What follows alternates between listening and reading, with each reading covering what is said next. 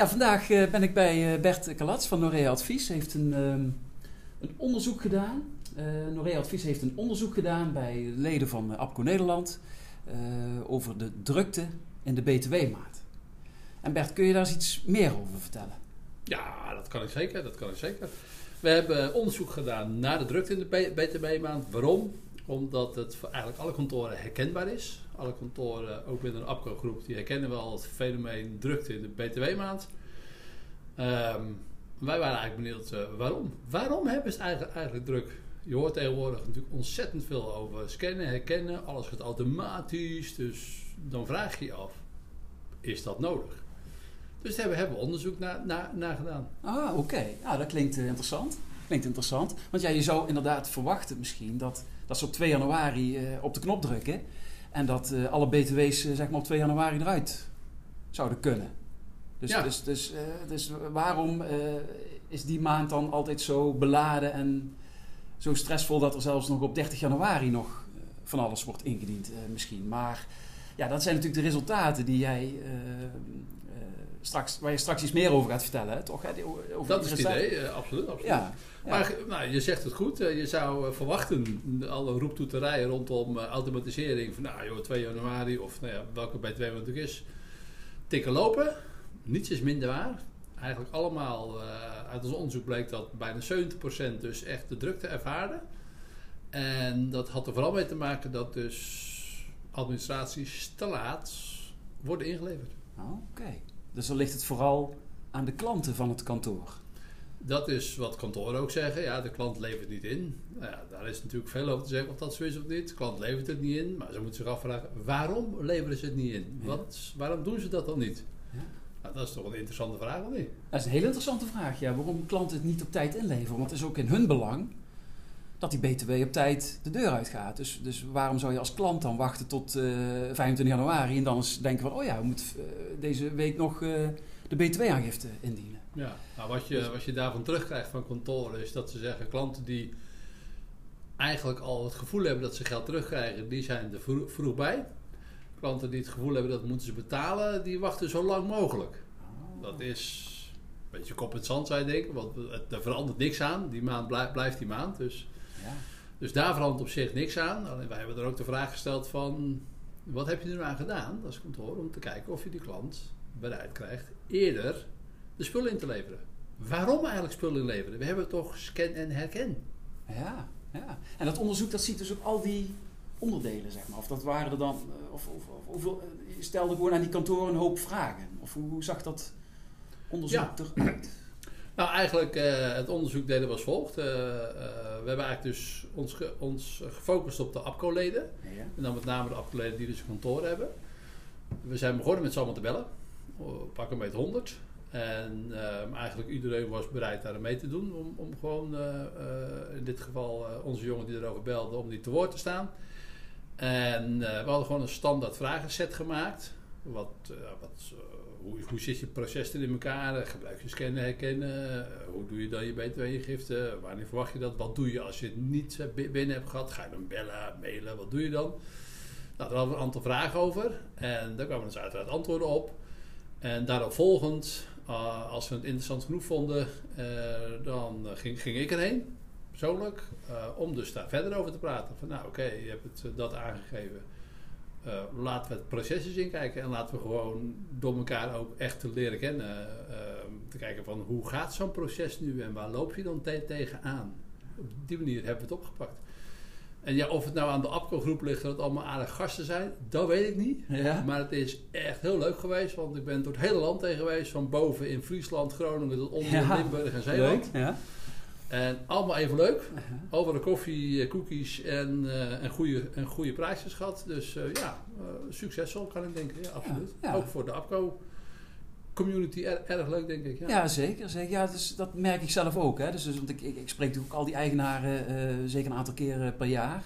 Ehm, en en ja, dan merk ik dat ook. Maar dat is ook de reden dat ze dan aansluiten. Die mensen staan open voor delen van kennis en om met elkaar in gesprek te gaan. Ja. Maar het is fijn om te horen, Bert, dat, dat, uh, dat je die ervaring ook hebt. Uh, dat is natuurlijk leuk om te horen. Hè? Dus, dus, ja. Ja, ja dus we hebben dat met heel veel plezier gedaan. En ja, vooruitlopend wat je straks zei van wat is nu uiteindelijk de uitkomst? Ja. Daar kun je natuurlijk hele verhalen van maken. Maar het grappige is dat er zijn kantoren bij die heel erg ver zijn met automatisering. En dan met name scan en herken. Uh, er zijn kantoren bij die eigenlijk heel weinig doen in automatisering. Dus die scan en herken op zich niet bovenaan het lijstje hebben staan. Dat wel doen of half doen. Maar die eigenlijk ook nog heel veel met de hand verwerken. En wat is nou het mooie van het verhaal? Kantoren die niet zoveel in automatisering doen, hebben het eigenlijk allemaal goed. Die, hebben niet zo, die ervaren niet zoveel problemen met uh, late aangiftes en gedoe. Kantoren die um, zoveel mogelijk wegautomatiseren, ervaren juist problemen met dat het toch nog op het laatste moment aangeleverd wordt of niet. Of dat ze eindeloos bellen, mailen naar die klant om die stukken aan te, aangeleverd te krijgen. Hè, via Basecode of uh, Digidata of uh, whatever. Oké. en dat, um, eerlijkheidshalve, verbaasde ons niet, maar de kantoren wel.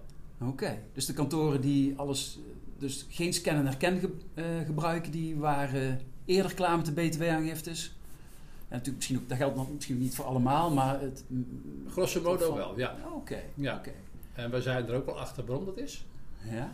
Het heeft eigenlijk al te maken met aandacht. Aandacht voor de klant. Um, als je de klant de juiste aandacht geeft, zijn ze bereid om langs te komen, uh, zijn ze bereid om te woord te staan, zijn ze bereid om iets te doen. Dus het is, de klant heeft het idee dat jij ze belangrijk vindt. Ja. En um, kortere bocht zou je kunnen zeggen dat de automatisering in de vorm van scan en herken heeft eigenlijk de klant op afstand gezet. Oh, zo, ja, ja, ja. Oh, ja. De klant ja. voelt zich niet meer gehoord. Ja. Die moet veel. Ja. Dus hij moet scannen, hij moet een foto maken, hij moet iets doormailen, hij moet dit, hij moet dat. En dat wordt als lastig ervaren. Ja. En ja, dan gaan ze het uitstellen. Daarom stelt hij het eerder uit. Ja. Omdat het een rotklusje is misschien om te doen. Het zijn vele kanalen. Kijk, als je het vanuit klantperspectief kijkt, wat wij altijd doen, is altijd proberen zaken terug te herleiden tot klantperspectief. Dus wat gebeurt er nou bij die klant? Uh, zeker klanten die gewend waren om hun tasjes te brengen. Dan moet je je voorstellen, die kwamen langs met het tasje. Ja. Voor hun was het gewoon, ik heb de bonnetjes erin gedaan en daar kijken ze verder niet naar. En ze kwamen een tasje brengen. Ik kom bij jou, ik heb een bak koffie, aandacht. Hoe is het met je vrouw? Uh, hoe is het met de caravan? Uh, gewoon aandacht. Ja. Dat is wat ik weet. tasje werd niet over gepraat. Nee.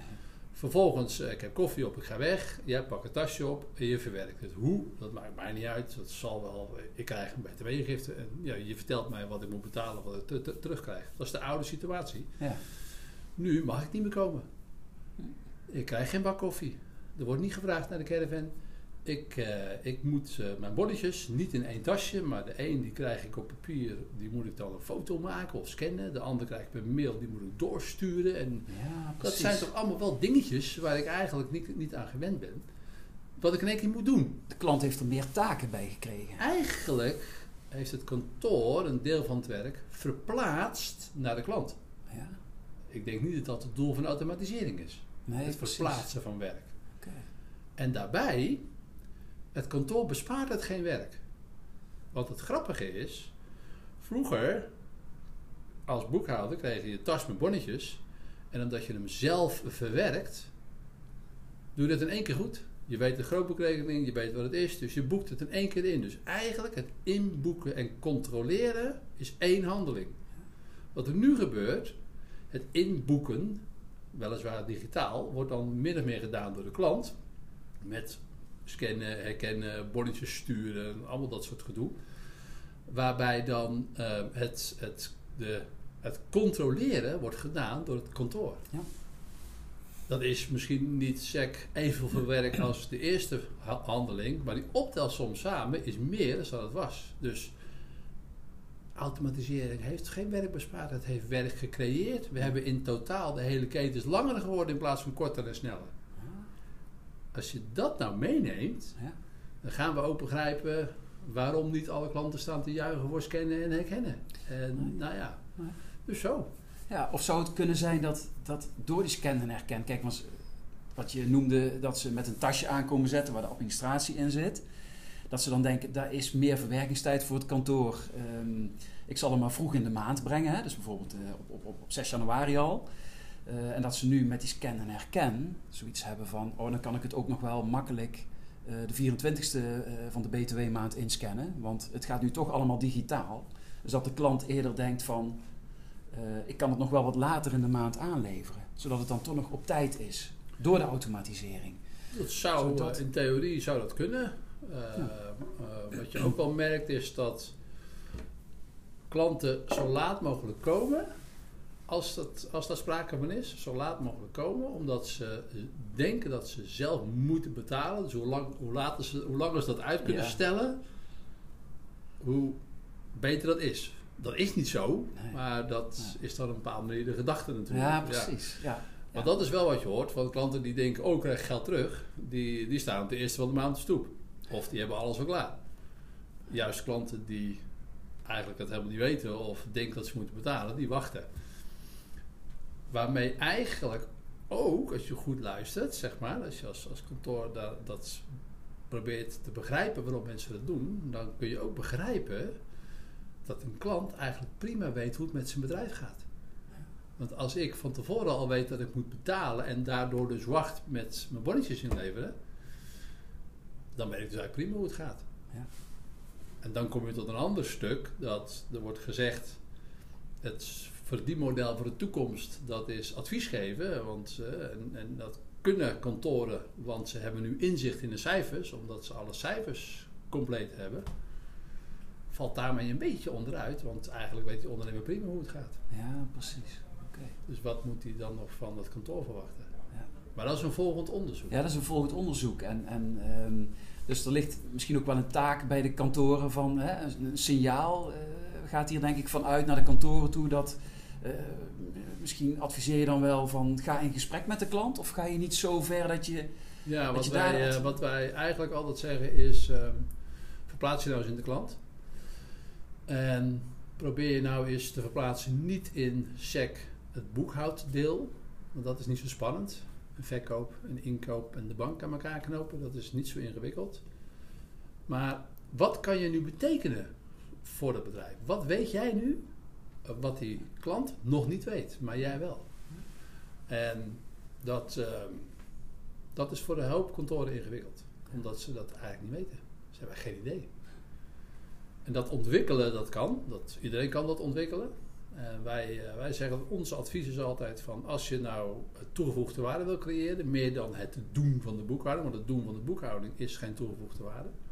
Juist de kennis over de branche of over de klant die jij wel hebt en de klant zelf nog niet, dat is toegevoegde waarde. Hoe creëer je die nou? nou ons advies is over het algemeen zorgen dat je een focusgroep krijgt. Een groep krijgt waar jij veel van weet. Gaan we niet al iedereen bedienen. Als je een kantoor vraagt van wat is nou je ideale klant, dan, uh, dan zeggen ze nou uh, ja, uh, iedereen kan klant zijn. Elke ondernemer heeft in beginsel een boekhouder nodig. Nou, in theorie is dat zo. Dan zeg ik altijd van als je goed genoeg bent voor iedereen dan ben je goed genoeg voor niemand. Okay. Wat is nu je onderscheidend vermogen? Wat maakt nou dat ik met mijn advieskantoor bijvoorbeeld bij jou uh, mijn boekhouding zou moeten neerleggen? Wat, wat, wat, schiet, wat, wat, wat, los jij voor me op? Welk probleem los je voor je voor op? Nou, dat kunnen ze vaak niet zeggen, anders dan, ja, we doen de boekhouding. Ja, dat is niet spannend.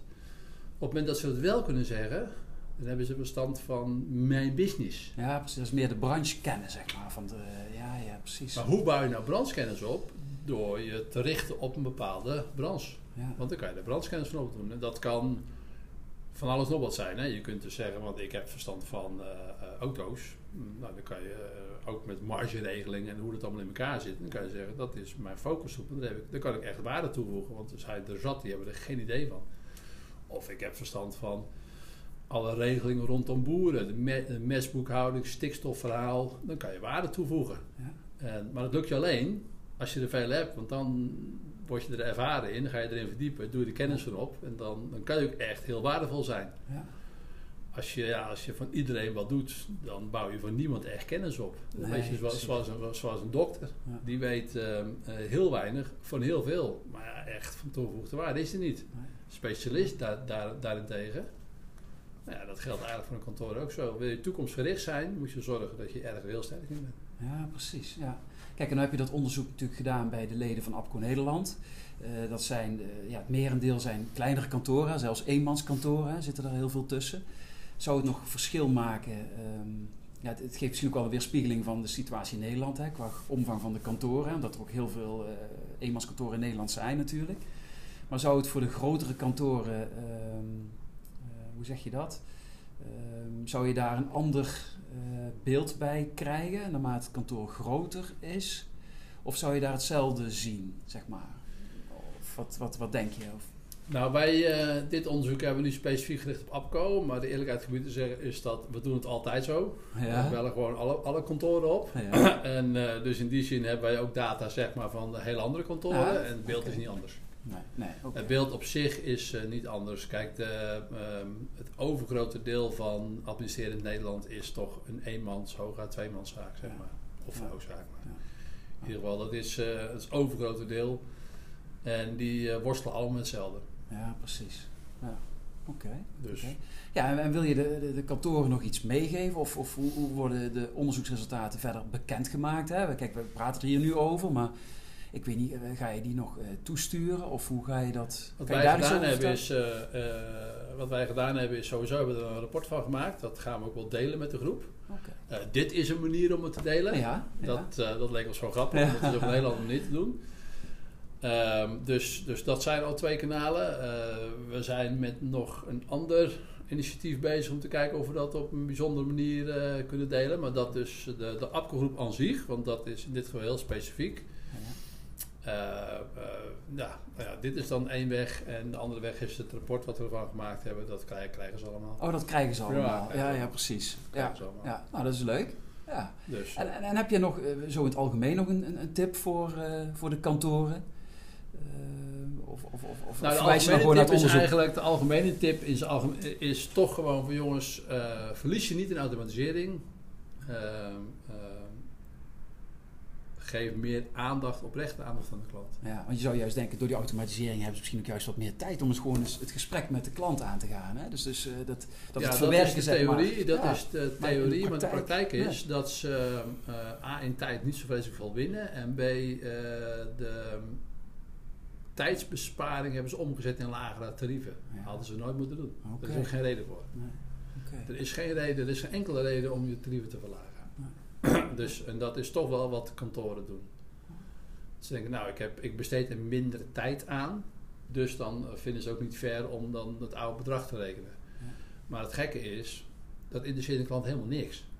Want de klant weet sowieso al niet hoe jij je administratie voert. Of je dat in exact doet, of, of, of in cash. Of in, dat, maakt, zo- dat maakt de klant ook niks uit. Vanuit klantperspectief is het voor het overgrote deel van de klanten is het zo. De verwachting is, ik krijg vier btw-ingiftes en een IB-ingifte. De meeste ondernemers zijn IB-ondernemers. Dat is wat ik krijg. Hoe je het doet, of je het op een bierveeltje doet, of in exact, of in cash, of een e-boekhouden. eh, het maakt echt helemaal niemand wat uit. Het maakt ze niet uit. Nee, dat is ook helemaal niet relevant. Nee.